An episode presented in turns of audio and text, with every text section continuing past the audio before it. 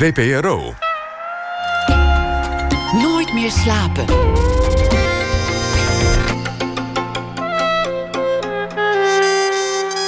Met Liesbeth Staats.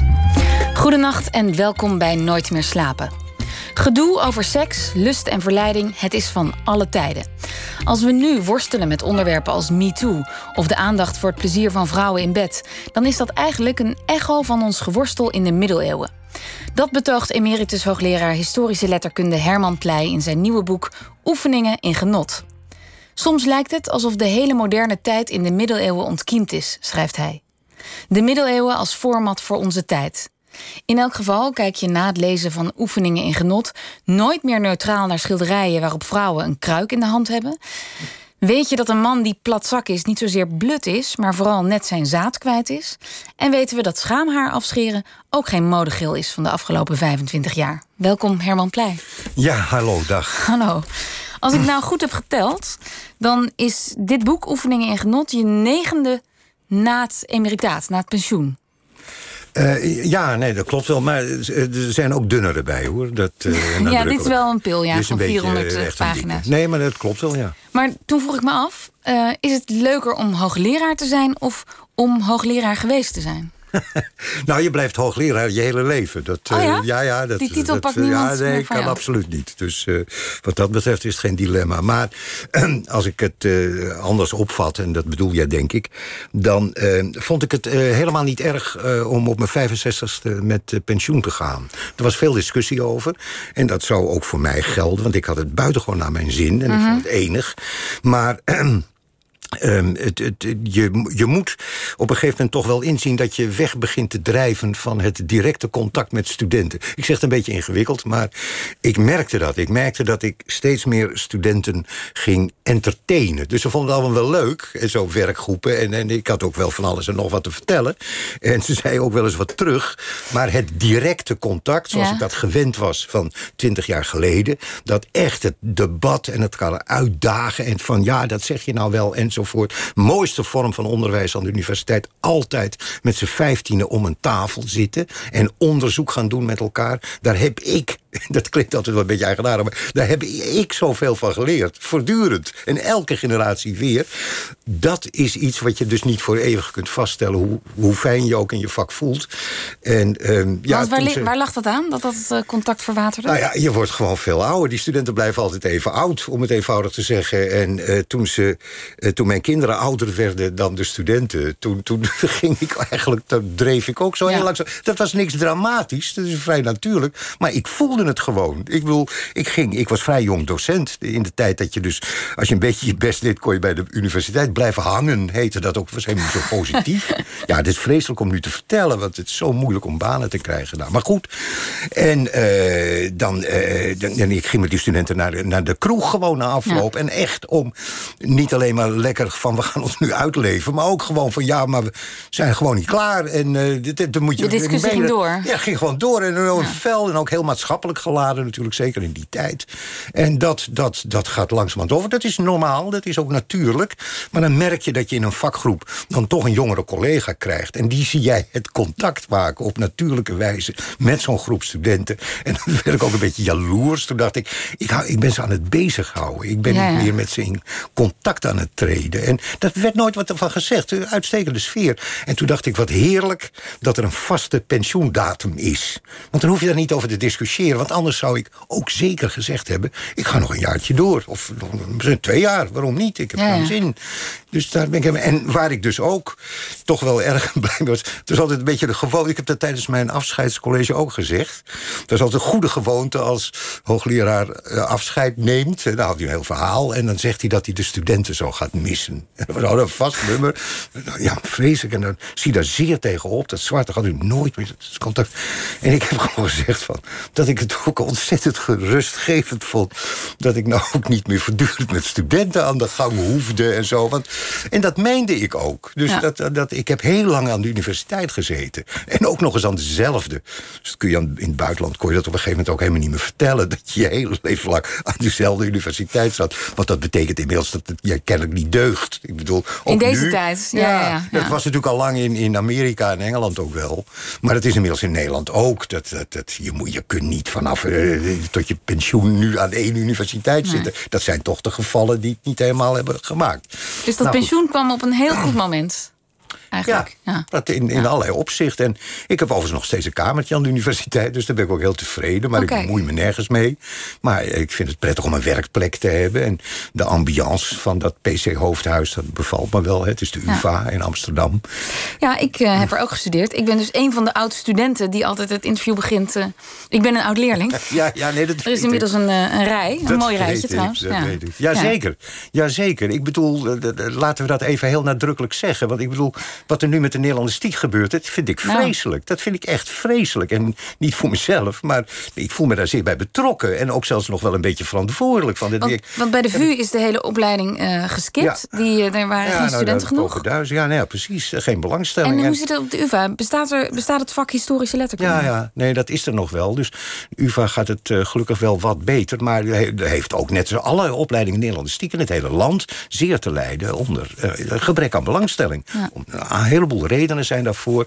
Maar ik trek mij dat aan gewoon. En laten we eens, daarom, daarom vind ik ook zo leuk omdat jij dat spontaan zegt. En omdat het ook zo is. Ja. Als ik zie wat ik voor oud-leerlingen heb...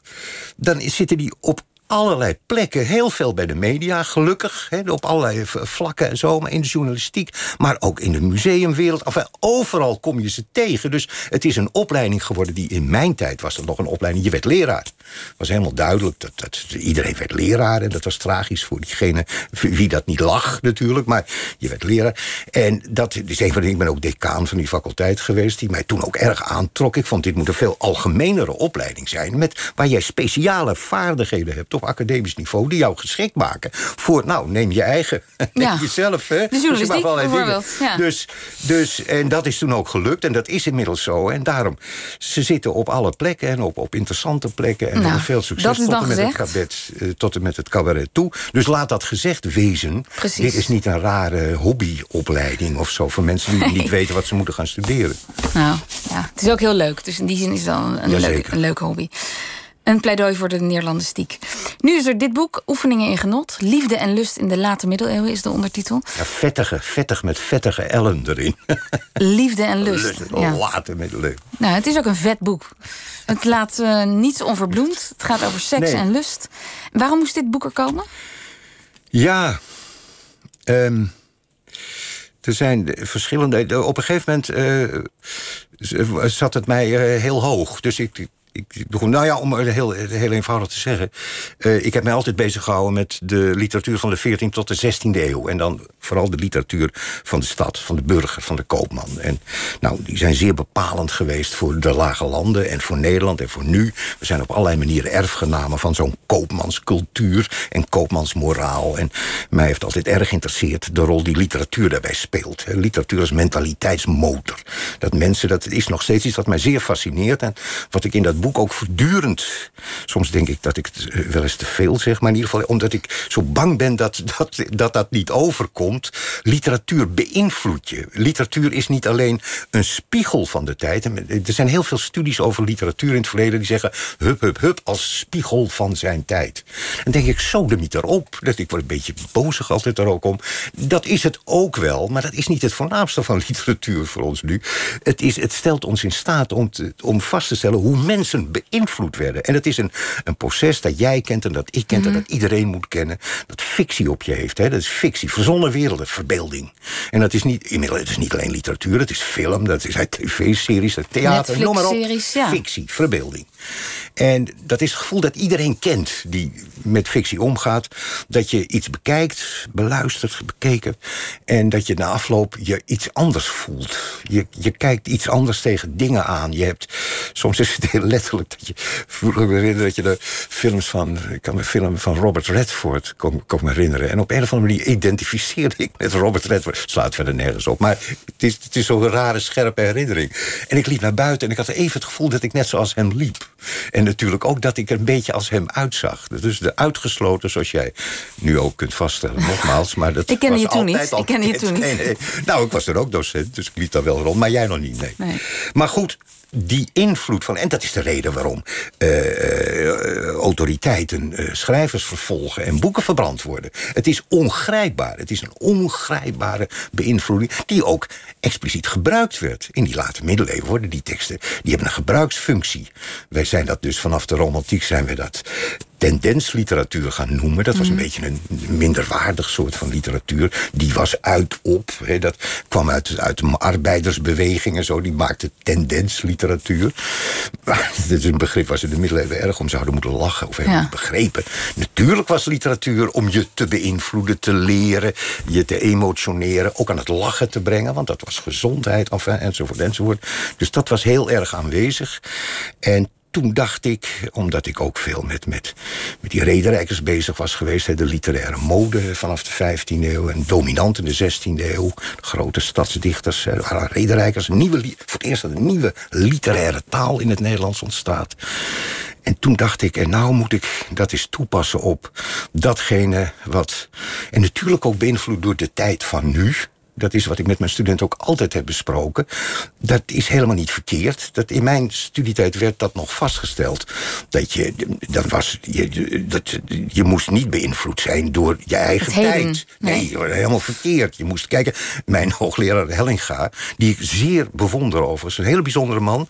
Maar die zei: Nieuwsgierigheid is mijn bedrijf dacht, ja, sodemie erop, nieuwsgierigheid. Maar, maar waarom wat bedoelde hij daarmee? Wat, bedoelde hij daar, Dat het vrijblijvend was, waardevrij. Ja, waardevrij. Ik was alleen, je was alleen maar nieuwsgierig. Maar het was natuurlijk toch een onzinnige opmerking... omdat je ook... Mensen zijn niet allemaal op dezelfde manier nieuwsgierig... maar dat wordt ook gedirigeerd natuurlijk... door jouw ziet im leven. Hè?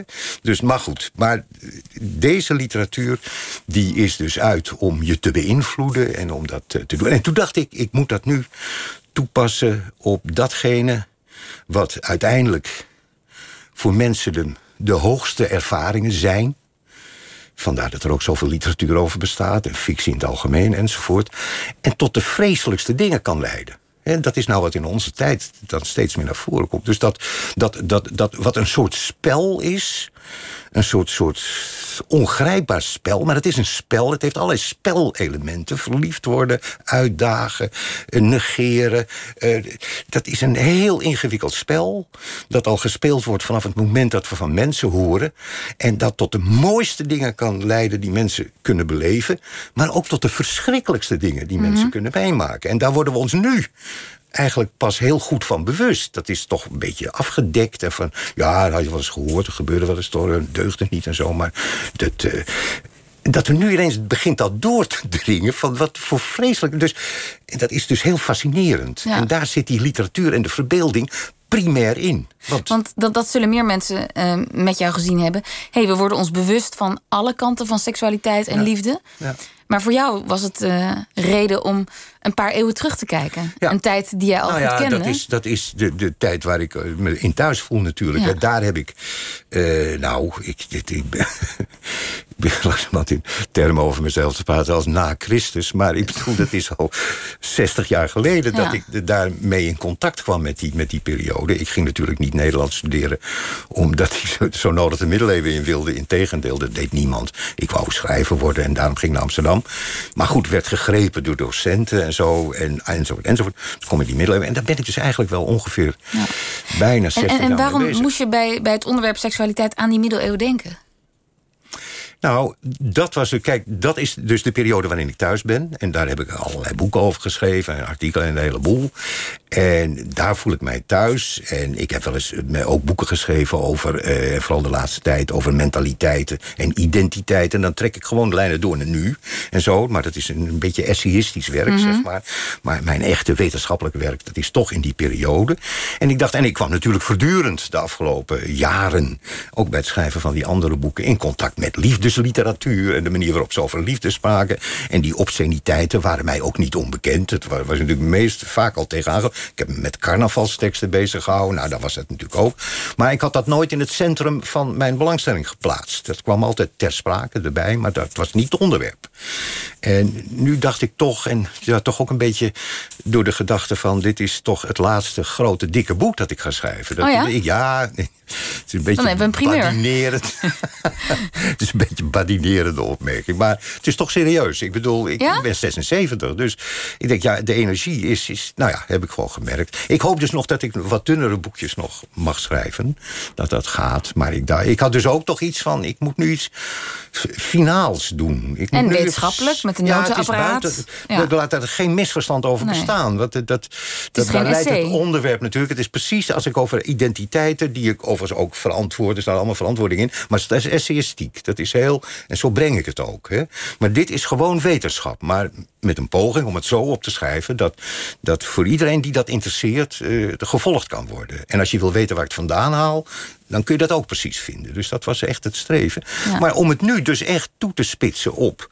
datgene wat het mensen, mensen het meest uit elkaar trekt... in positieve en in negatieve zin... dat is de liefde en dat is seks. Ja, en, en, en dan was er een, een, er was een directe aanleiding. Ook, dat is ook wel. Zo gaan die dingen. Dat, dat- ik hou niet van toeval, maar ik kan er niet omheen. Dat eh, toeval natuurlijk toch voortdurend toeslaat in ons leven, hoe dan ook. Ik hou er niet van. Ik wil verklaren. Dus Ja. eh, dat, dat bevalt me niet. Maar goed, er was een congres in 2011 over porno. Porno in de Nederlandse literatuur. En dat hadden de jongens, en jonge docenten in Leiden hadden dat bedacht.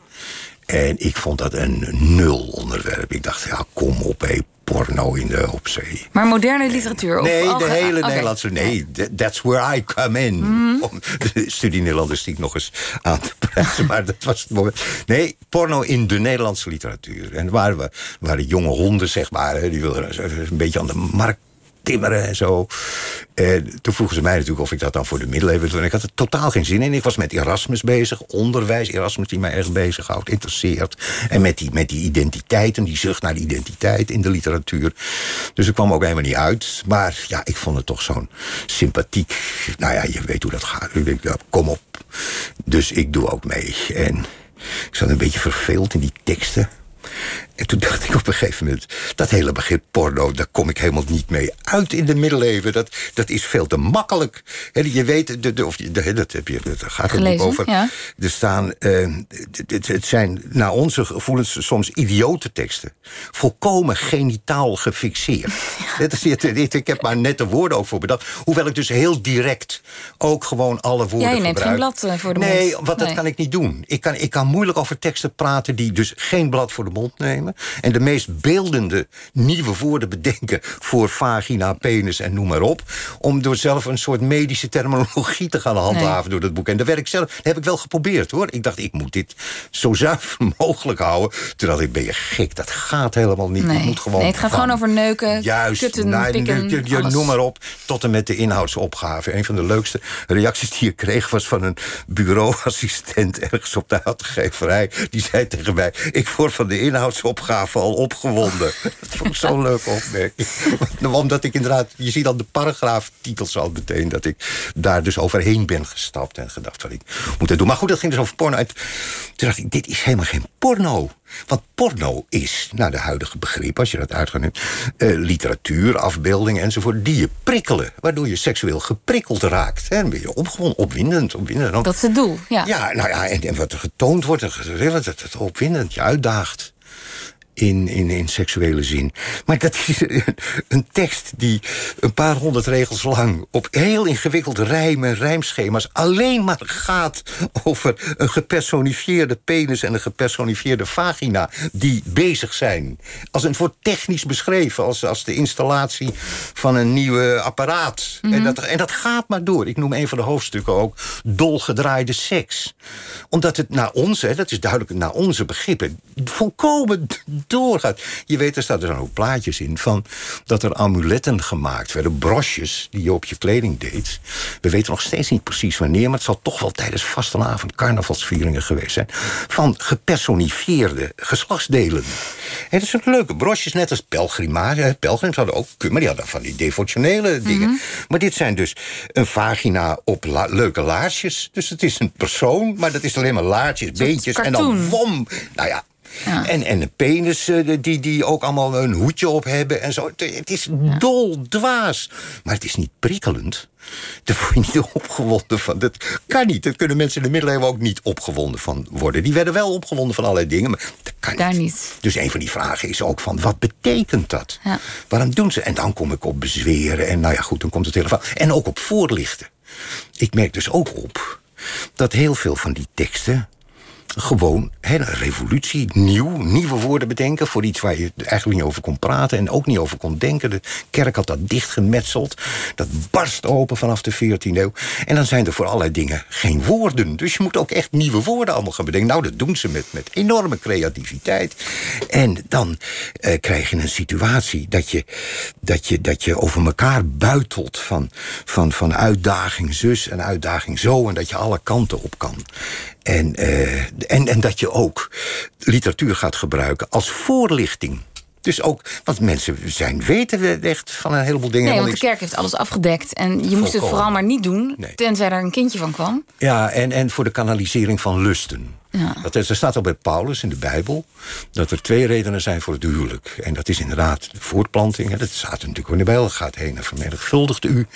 En voor de kanalisering van lusten binnen het huwelijk. Want eh, dat is dan het veiligst. Hè? Want als je dat niet binnen het huwelijk weet te kanaliseren... Ja, dan- dan... loopt het volkomen uit de En hand. dan, en dan komt de duivel erbij. Die nou ja, dat dan- is het grote punt natuurlijk eh, van de kerk. En de kerk en religie is een verklaringsmodel. En essentieel in dat verklaringsmodel van alle religies trouwens... en zeker van die rond de Middellandse Zee... waar het christendom dus ook vandaan komt... dat is, eh, dat, het, eh, dat is de kern dat de mens schuld heeft. Dat er schuld is en dat, en dat de mens moet boeten. En dat hij ook dat moet doen. En dat die schuld de oorzaak is van alle ellende op aarde. En daarom worden wij gestraft met, met honger, met pest, met de hele boel. Maar we kunnen het goed maken door tot inkeer te komen enzovoort, boete te doen. En, eh, en dan, maar goed, men weet dus heel weinig van hoe het, hoe het moet en hoe het gaat. En daar dienen dan die teksten voor. Die teksten wordt gebruikt. Want dat is nogmaals het, het eind van de roman van de Roos. Buitengewoon interessante teksten om een heleboel redenen. Ook om filosofische redenen. Volkstaalteksten. Een Franse Frans. roman uit de 14e Ja, maar dus ook in 14e het, eeuw eh, ja, ja, 14e. Maar ook eh, in het Middel-Nederlands bewerkt. Hè, in allerlei versies. Dus zeer bij ons aanwezig. Bedenk overigens ook goed dat het Frans in de lage landen ook een eh, heel taal algemene taal was in de steden. En die roman van de Roos die eindigt meer dan 300 versregels lang. Dat is een uiterst scabreuze tekst. Want dan heeft de pelgrim eindelijk de roos gevonden. En de roos is de vagina. En dan met zijn staf... Meer dan 300. Dit is de, de, de langste beschrijving van een coitus in de hele wereldliteratuur aller tijden. En daar heeft niemand het ooit over. Heel over technisch ook. Buitengewoon Ja. technisch. Van hij heeft Ja. geoefend onderweg met zijn staf, de pelgrim. En hij heeft De blaadjes gaan open. De, nou, nee, dat is nog lang niet op toe. Hij heeft onderweg geoefend om de bodem te vinden. Dat is een bekende middeleeuwse grap. Dat bij de paring moet je altijd... Je kunt nooit de bodem bereiken. Dat is, nou, je kunt je er van alles bij voorstellen. En heeft hij onderweg geoefend en dat was ook nooit gelukt. En dan komt hij eindelijk aan. En dan, ah, je kunt het zelf ook bedenken. Als je, maar het is van een gedetailleerdheid. En je kunt er niet in komen. En dan, bezweet hij, heeft hij nog de clitoris. Heeft hij het. En dan heeft hij ook over een maagd. En dat is ook weer heel ingewikkeld. En je moet oppassen dat je er niet uitglipt. En de blaadjes. Nou ja, Ja, plastischer wordt het niet, inderdaad. Het gaat, Nee, maar, maar ja. het is ook gewoon voorlichting. Ja. Het is voorlichting. En het aardige is ook altijd... Ik heb ook een paragraaf over de clitoris. Die wordt elke eeuw altijd ontdekt. Dat gaat tot met onze tijd door. Hè. Dat is heel opvallend. Ik noem dat boek ook. Ze wisten al in de klassieke oudheid wat dat was. En in de medische literatuur, en de, maar steeds weer opnieuw... in de tijd van de seksuele revolutie van de jaren 60, 70... was dat ook een item. Heel, dat herinner ik mijzelf nog. En afgelopen jaar? Dat is- Nee, precies, was een boek Ja. van vulva tot vagina. En dat ging ook weer precies over dat vrouwen niet wisten enzovoort hoe dat allemaal. En dat ze moesten. Nou, dat was nog in de jaren 60, 70 moesten vrouwen spiegeltjes kopen. Dan moesten ze het liefst nog in groepsverband, in een vrouwengroepje, moest je dan met spiegeltjes bespreken wat er zo allemaal te zien was. Mannen, de te gekke was daar overigens wel, dat mannen daar totaal niet bij betrokken werden. Niet. Moest, vrouwen onderling moesten weten hoe dat dan precies zat. En zo. Dat kun je in de 19e eeuw, de 18e eeuw, 17e eeuw, elke keer wordt het weer opnieuw. Dus dat, we schieten niet op. Het blijft steeds blijven. En nu noem ik maar een klein onderdeel van een merkwaardige. Maar het is, het is gewoon op de hele, de hele achtergrond. Het is altijd gedoe met seks en, en verleiding en hoe je erover praat. Het is precies wat jij bij de inleiding zei. Er is altijd gedoe. Ja. Het schiet niet op. Nee. En het blijft de hele tijd. Nou ja. Wat mij op- over die voorlichting gesproken, wat mij opviel. eh, je behandelt heel veel teksten, voor het grootste gedeelte teksten die voor de gewone man bestemd waren. Waar dorpspleinen vol naar kwamen kijken. Ja, En dat, dat is niet alleen in dit boek. De gewone man heeft je belangstelling ja. In de middeleeuwen. En eh, vaak trek je dan lijnen naar het heden. Ja. En de gewone, waar, waar, waar komt die belangstelling vandaan? Want Frits ik, van. Oostrom, Ja. collega in Leiden van jou, Ja. die zei ja, eh, Herman Pleij heeft eigenlijk de gewone man in de eh, middeleeuwse literatuur naar voren gebracht. Daar stapte iedereen eigenlijk altijd overheen. Het ging meer over teksten die voor de, nou ja, de adelstand, Ja, voor de, ben, eh, en- hogere mensen geschreven was. Ja, nee, zeker. En ehm, dat, eh, ja, er, er zijn ontzettend veel onderwerpen over te geven. Dat, nou moet daar geen misverstand over bestaan. Dat, want je hebt helemaal gelijk hoor. Eh, Die teksten die ik gebruik, en die komen dus veel van rederijkers... ook toneelspelen trouwens, klassieke toneelspelen, rederijkers gemaakt... die zijn heel kunstig. Dat zijn eh, vrij intellectualistische... maar het zijn publieke teksten. Dat is, en daar is de gewone man. En daarom is voor mij die invloed ook zo groot van die literatuur. Omdat dat niet teksten zijn die mensen in hun eentje zaten te lezen in een hoekje. Kijk, nu is onze leescultuur primair nog steeds... in je eentje zit jij een boek te lezen. En dat doe je van, van een scherm of van een, uit een gewoon boek. Doet er niet om, maar in je eentje. Toen was die teksten die ik allemaal gebruik... zijn allemaal speelteksten. Dus ook die refreinen werden voorgedragen. Dus dat ze zo ingewikkeld zijn op dit terrein waar we het nu over hebben.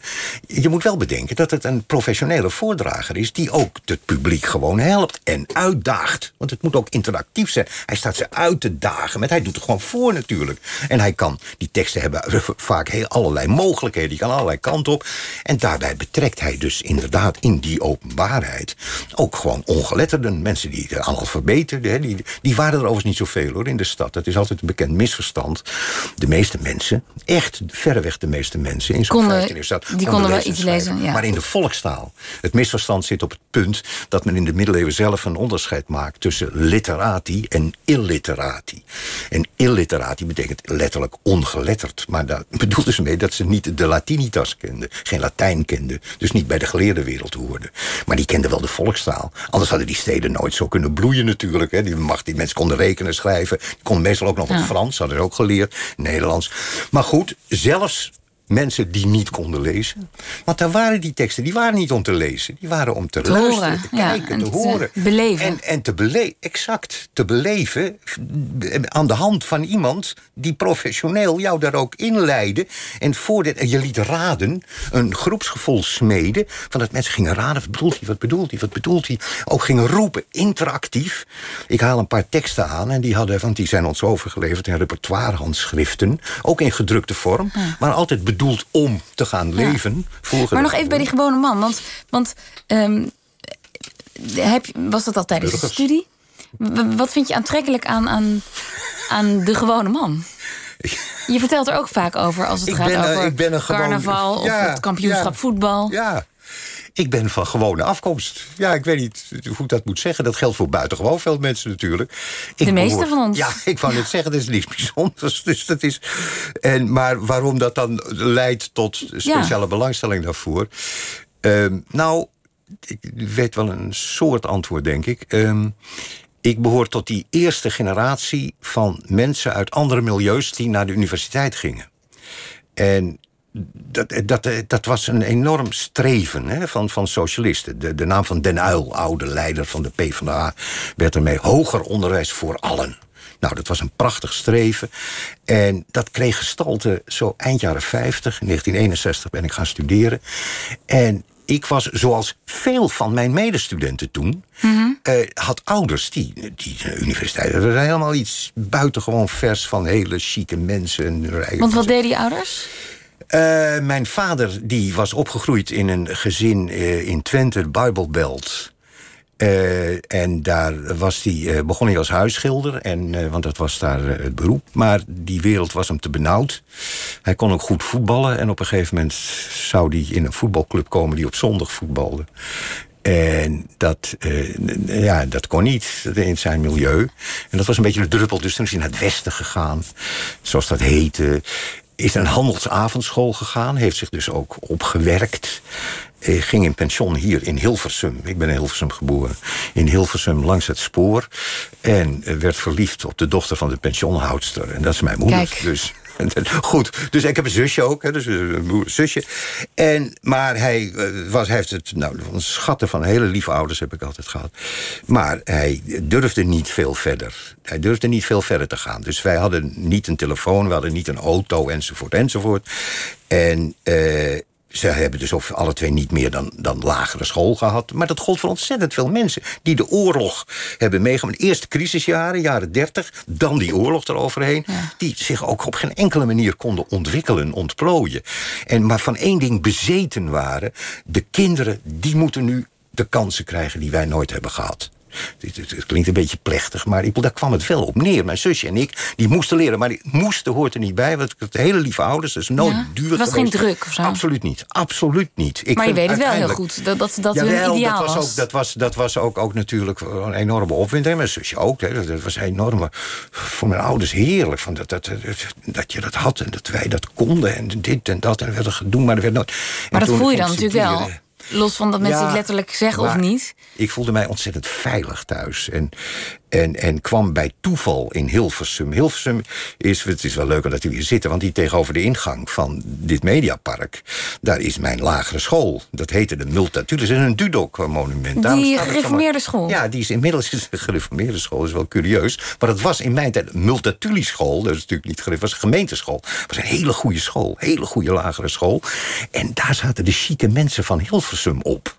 Want het was net over het viaduct. Er is een viaduct daar. Aan de andere kant, dat weten alle Hilversummers, weten dat. Als je in Hilversum wordt, is de eerste vraag die Hilversummers aan elkaar stellen... ben je van over het spoor of uh, over het spoor is de arbeidersbuurt. Dat en jij was van en ik die was kant van over het spoor? Maar tegen de spoorlijn aan. Dus door de gemeentelijke indeling van scholen...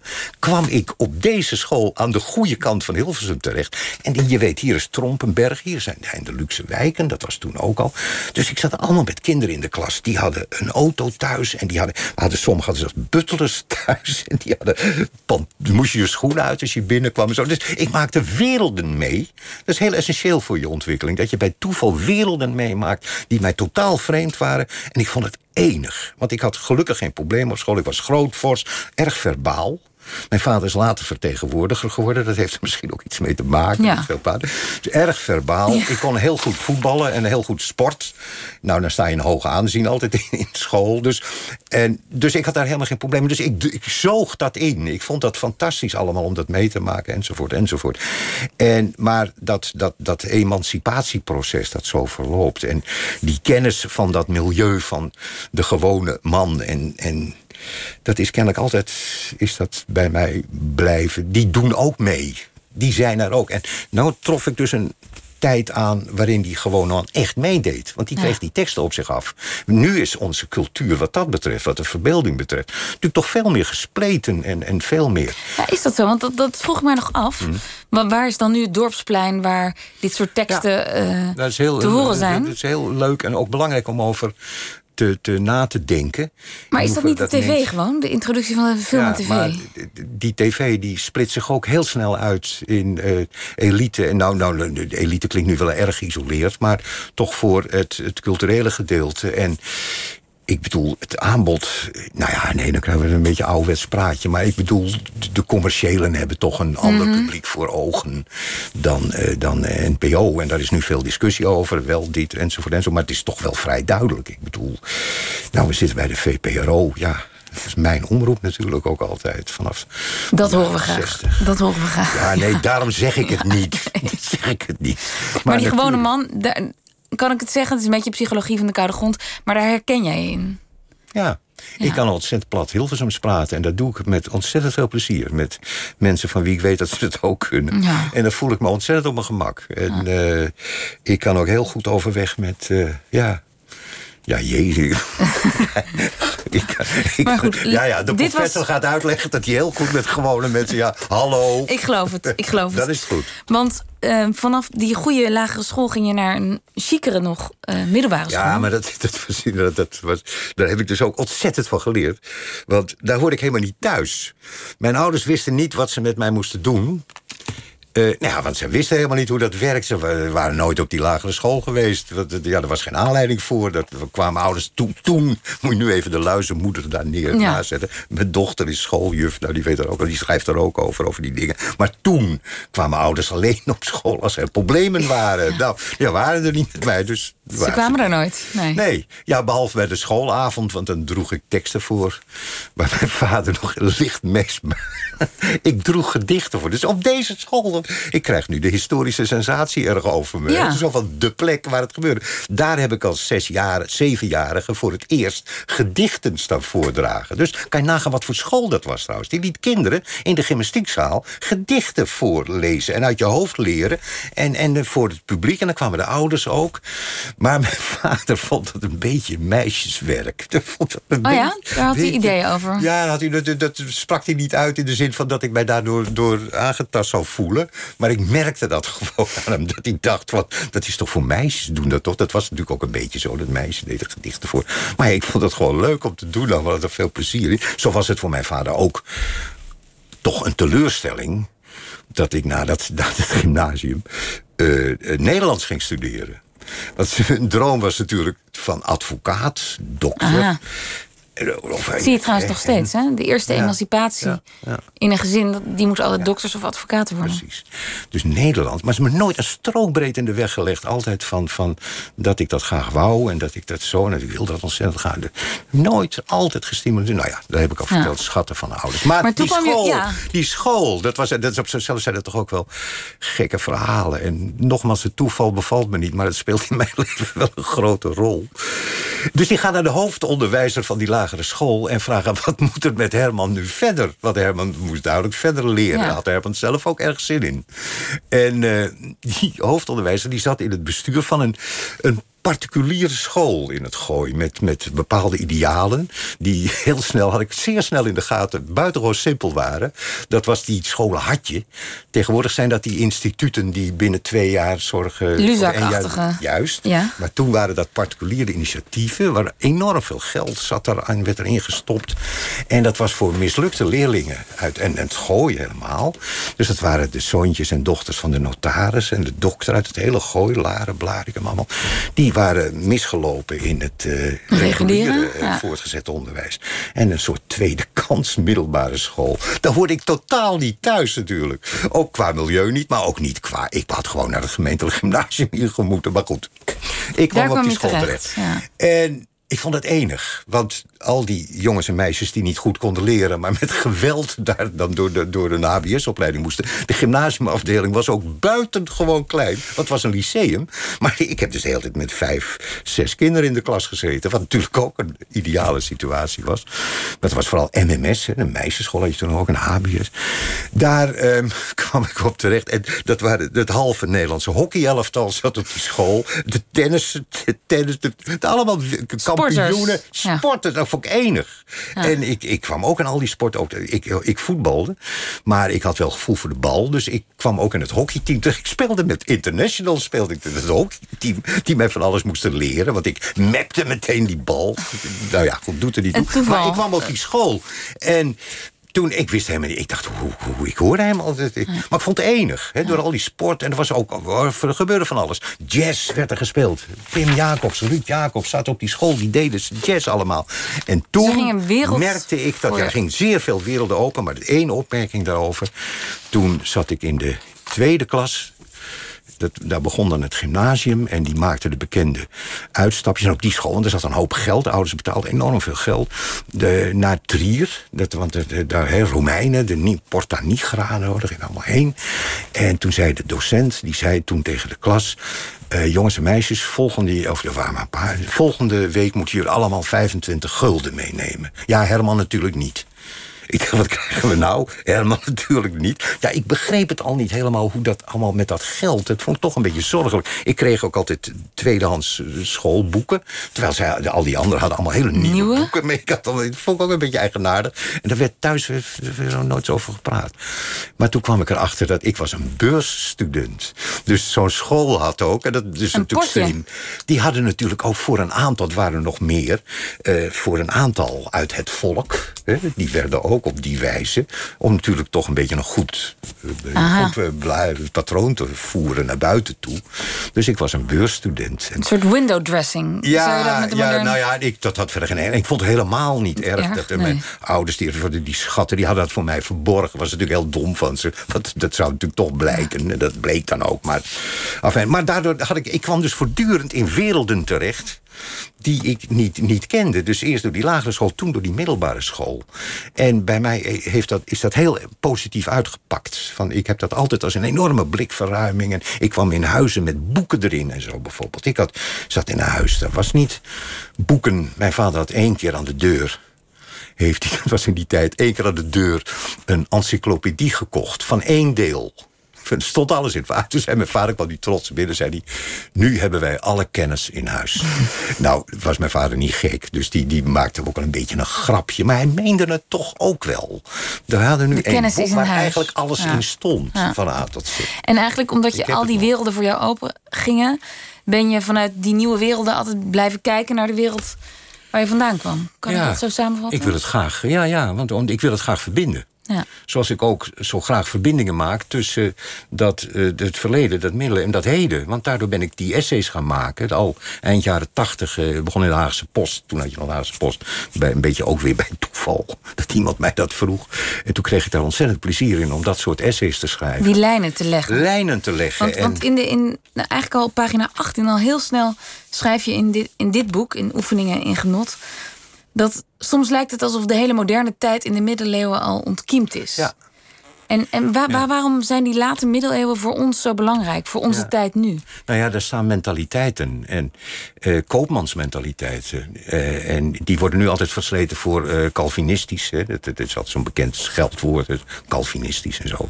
Ja, Calvijn is uit de midden van de 16e eeuw... en krijgt pas echt gestalte in de lage landen in de loop van de 17e eeuw.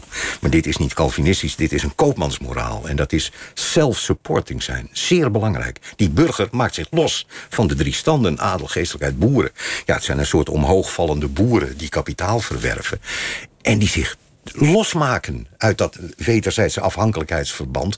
omdat ze geld hebben en investeren en ophopen enzovoort. En de, die andere standen van zich afhankelijk maken. Vooral die adel en die geestelijkheid natuurlijk. Die voortdurend privileges komen brengen... als ze maar financiering krijgen voor hun oorlogen. En geestelijkheid kopen ze ook gewoon op. Die gaan in die steden zitten. Dus die ontwikkelen een moraal die is... je moet jezelf individualisme. Je moet het zelf voor elkaar krijgen. Ook in de religie, moderne devotie. Gerrit Grote, Thomas van Kempen. Die leren, je moet zelf als individu je pad naar de eeuwigheid uitstippelen. Je moet zelf teksten lezen, leren herkauwen. Nou ja, dat is allemaal zeer fundamenteel. En daar heeft het Calvinisme later wel iets aan toegevoegd. Maar daar is het niet begonnen. Het is bij die burger, bij die koopman begonnen. En dat is zeer uniek voor de middeleeuwse geschiedenis. En jouw grootste thema is de gewone, de gewone man, maar ook ehm, het motto van doe maar gewoon.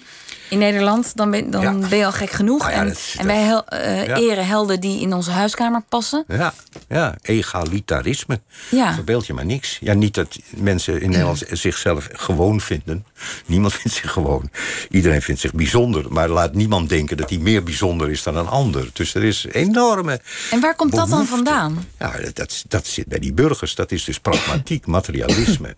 En eh, je kunt dus er ontstaan overigens ook vrij snel in die steden grote inkomensverschillen en bezitsverschillen. Zeker in de loop van de 16e eeuw.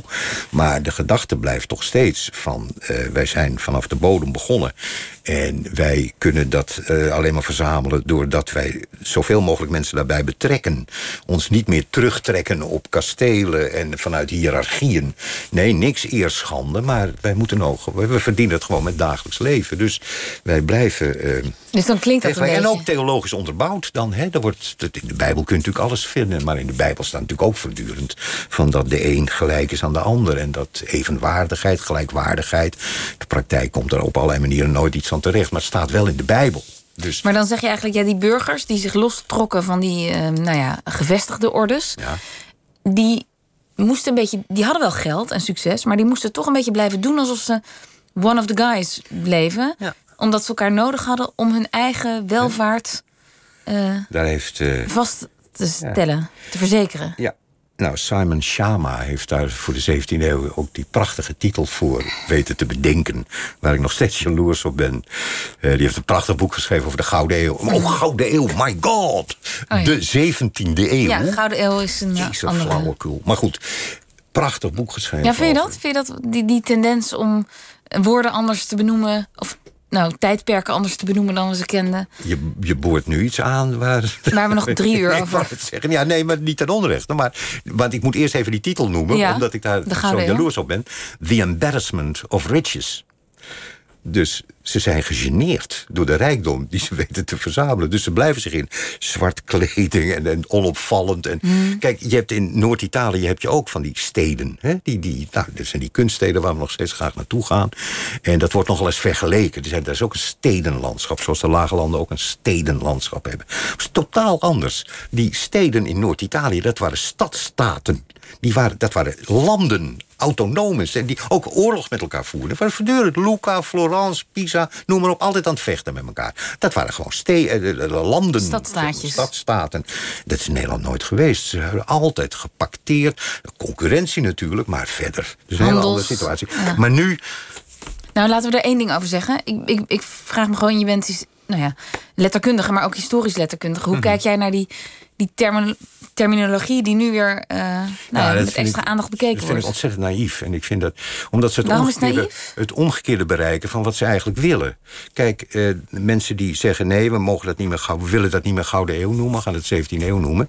Die, die bedoelen eigenlijk hetzelfde wat, ik- wat ik ook bedoel. Dat is namelijk dat we dat dus nooit moeten vergeten. En altijd moeten onderzoeken en ons altijd moeten blijven re- realiseren dat er aanleidingen waren in de 19e eeuw om dat de Gouden Eeuw te noemen. En waarom mensen dat toen deden. Mhm. En wat ze niet wilden weten en wat ze oversloegen.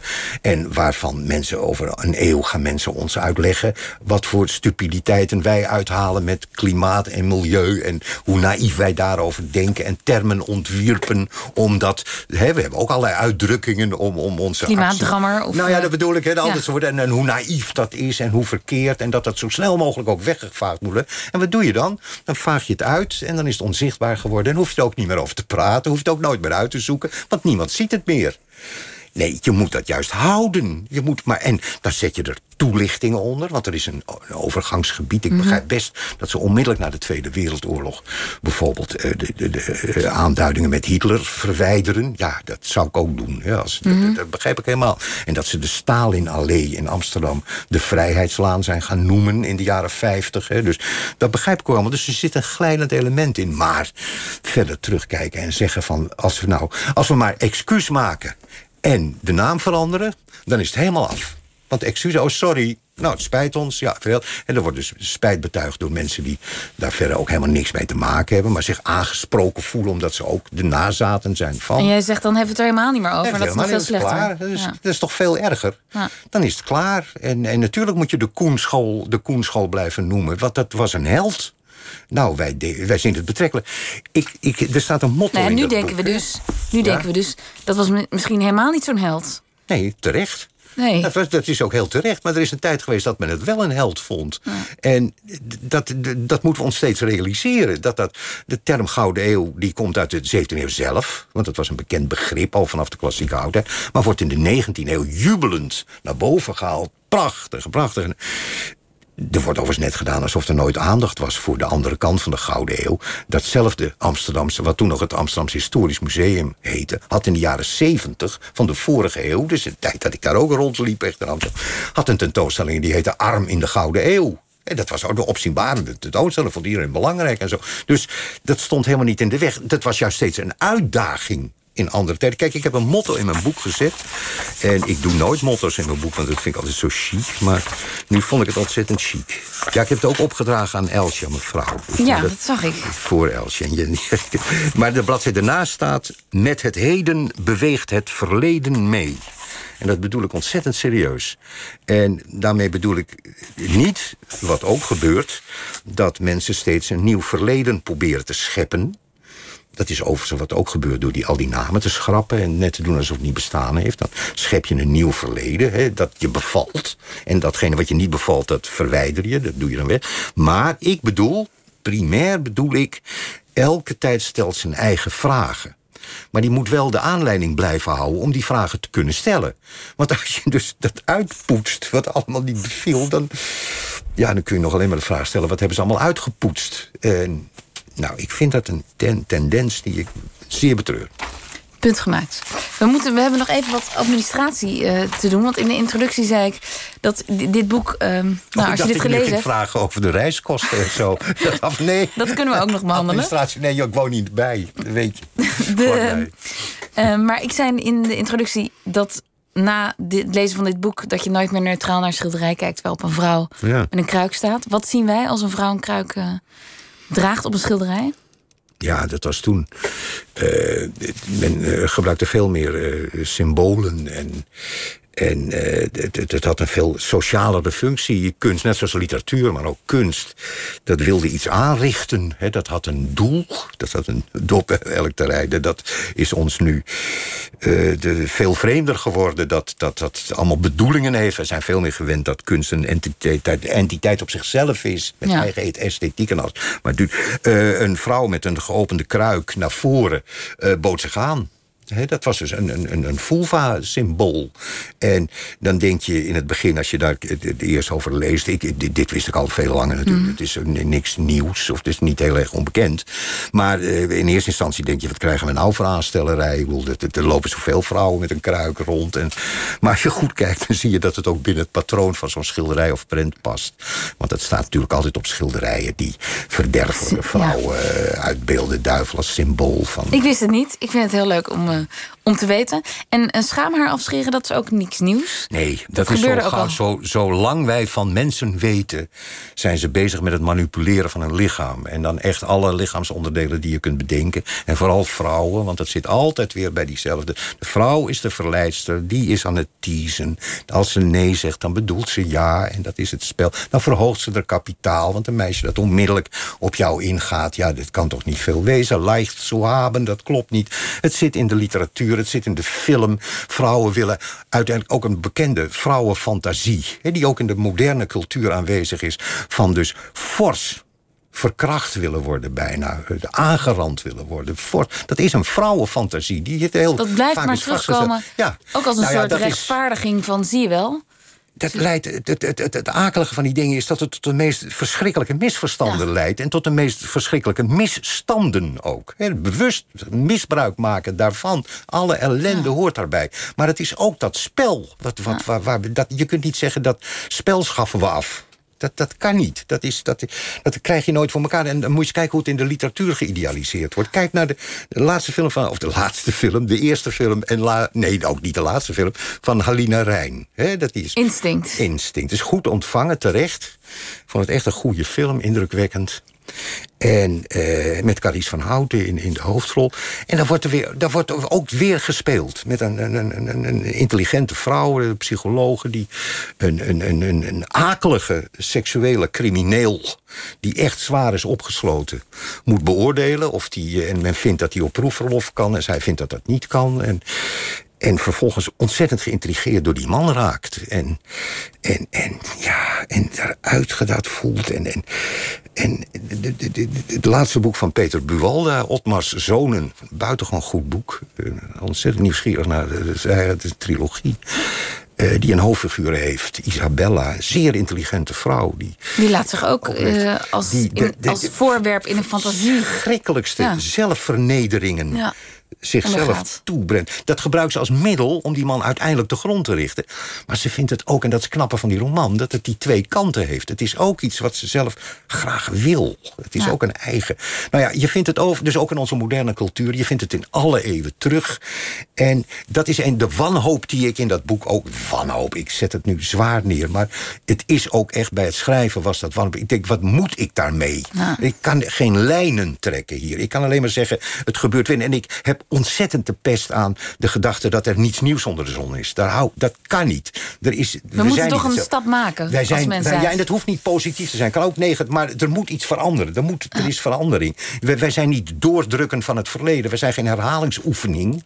Nou, ik moest daar wel aan denken. Want Ja. nu deze week, of gisteren, kwam dat rapport uit over de Jehovah's getuigen en Ja. misbruik daar. Ja. Toen dacht ik, nou ja, als je ziet wat de religie in de, in de middeleeuwen eh, vermocht, dan. Dan is het inderdaad niks nieuws. Nee, en, het zijn ook... Het, en wat ook mij opviel, als er dan een boete betaald moet worden voor seksualiteit, is het altijd de vrouw. Jazeker. Dat is, Die ja, maar je weet, die prijs. gedachte, die gedachte is... Ik, ik kreeg dat bericht laatst ook weer van anderen die reageren. Dus de eerste lezers al meteen. Die, die eh, wezen mij op rapporten. De- Je weet, in de middeleeuwen is die gedachte... en die komt al uit de klassieke oudheid overigens... dat vrouwen zijn onvolmaakt. En zijn niet goed afgebakken. Dat, is, dat is gewoon, daar is iedereen het over eens. Dus ook vrouwen, eh, als Christine de Pizan, Anna Bijns... die daar ook een prachtig antwoord op hebben. Maar dat is nu eenmaal zo. En die kun, daarom zijn ze labiel. En daarom hoeven ze geen onderwijs te hebben. Ze kunnen niet besturen. Er moet een man zijn, een abt, noem maar op. Die moet en dat zorgen. zijpelt maar door En in dat blijft. alle... En nee, en nu tijden. wees iemand mij ook weer op een of ander psychologisch rapport. Heel serieus, universiteit erachter enzovoort. Vrouwen zijn, eh, re- zijn veel emotioneler en daardoor labieler. En dan komt dus het hele patroon er weer aan. En, Onuitroeibaar. en dat, dat, dat zit deep down. En dat is dus dan de wanhoop. Dat je zegt, en dan kom je toch bij archetypen terecht. Alles zit in beweging en, en, en, en, en het hoeft niet speciaal, speciale vo- vooruitgang te zijn. Het kan ook voortgang zijn, maar dat verandert wel. En het, zijn, het is ook niet het, precies hetzelfde, maar het zijn wel... Daarom praat ik zo graag over echo's. En zeg ik, echo, dat is voor mijzelf ook een beetje verzoenend... van dat ik dan zeg, ja, het is niet hetzelfde, maar het is wel een Het lijkt echo. Het lijkt er Maar, maar dan is de vraag, als, als het format voor onze samenleving in die late middeleeuwen al vast lag, ehm, kunnen die late middeleeuwen ons dan helpen bij kwesties als MeToo en andere ingewikkelde Ja. toestanden rond seksualiteit? ja, nou om te beginnen eh, dat je van, van die gedachte afstand neemt... van dat je dat nu eenvoudig en snel kunt oplossen. Want dat is een beetje aanwezig. Van we slaan nu hard toe, terecht overigens, geen twijfel. Hè, sla, maar bekijk even hoe de advocaten nu met Weinstein bezig zijn. Met die mevrouw die meneer Weinstein verdedigt. My god, wat, Ja. een, wat een, die argumenten die ze gebruikt. Ja, maar ik bedoel, dat is geen domme vrouw. Mijn god zeg, wat ze hanteert. Ja, je ja. mag seks niet verwarren als je seks jou niet bevalt... en je bent teleurgesteld of je vindt het eng wat er gebeurd is... dan mag je dat geen verkrachting noemen. Nee, dan ben je teleurgesteld. Nou, probeer, probeer nou maar. Het is een zo'n ingewikkeld veld. En er gebeuren zulke afschuwelijke dingen mee. Maar ook zulke prachtige dingen. Dat... Ja. Nou ja, ik kon het niet in een goed... Daarom die vraagtekens de hele tijd. En dan verwijs ik naar archetypen. Dan zeg ik, ik moet de medische wetenschap erbij hebben. Psychologen, noem maar op. Dat kan ik niet. Durf ik niet, dat wil ik ook helemaal niet. Die ambitie heb ik ook niet. Maar ik wil het wel aanwijzen. Maar er is, precies, en er zijn heel veel aanwijzingen in een heel rijk boek. Dank Herman Pleij. Dit uur is alweer voorbij. Ik sluit nog af, we zijn niet eens aan de jazz toegekomen. Ik sluit af met de mededeling dat straks eh, Vink, de podcastgids van Nederland, te horen is bij de Afrotros. En maandag zit Pieter van der Wielen hier met regisseur Annette Apon. Haar nieuwe film Leonie vormt het derde deel van een trilogie over drie sterke, onafhankelijke vrouwen. Na Henriette Roland-Holst en Fien de Lamar volgt nu een documentaire over Leonie Brandt, een actrice die in de jaren 30 en 40 haar talent gebruikte om een dubbelspionne te worden. Dat maandag. En ik wens u nog een heel goede nacht.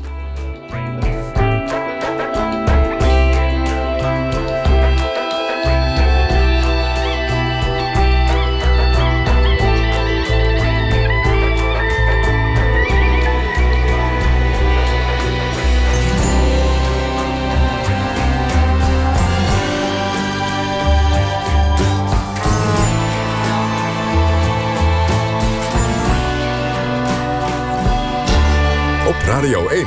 Het nieuws van alle kanten.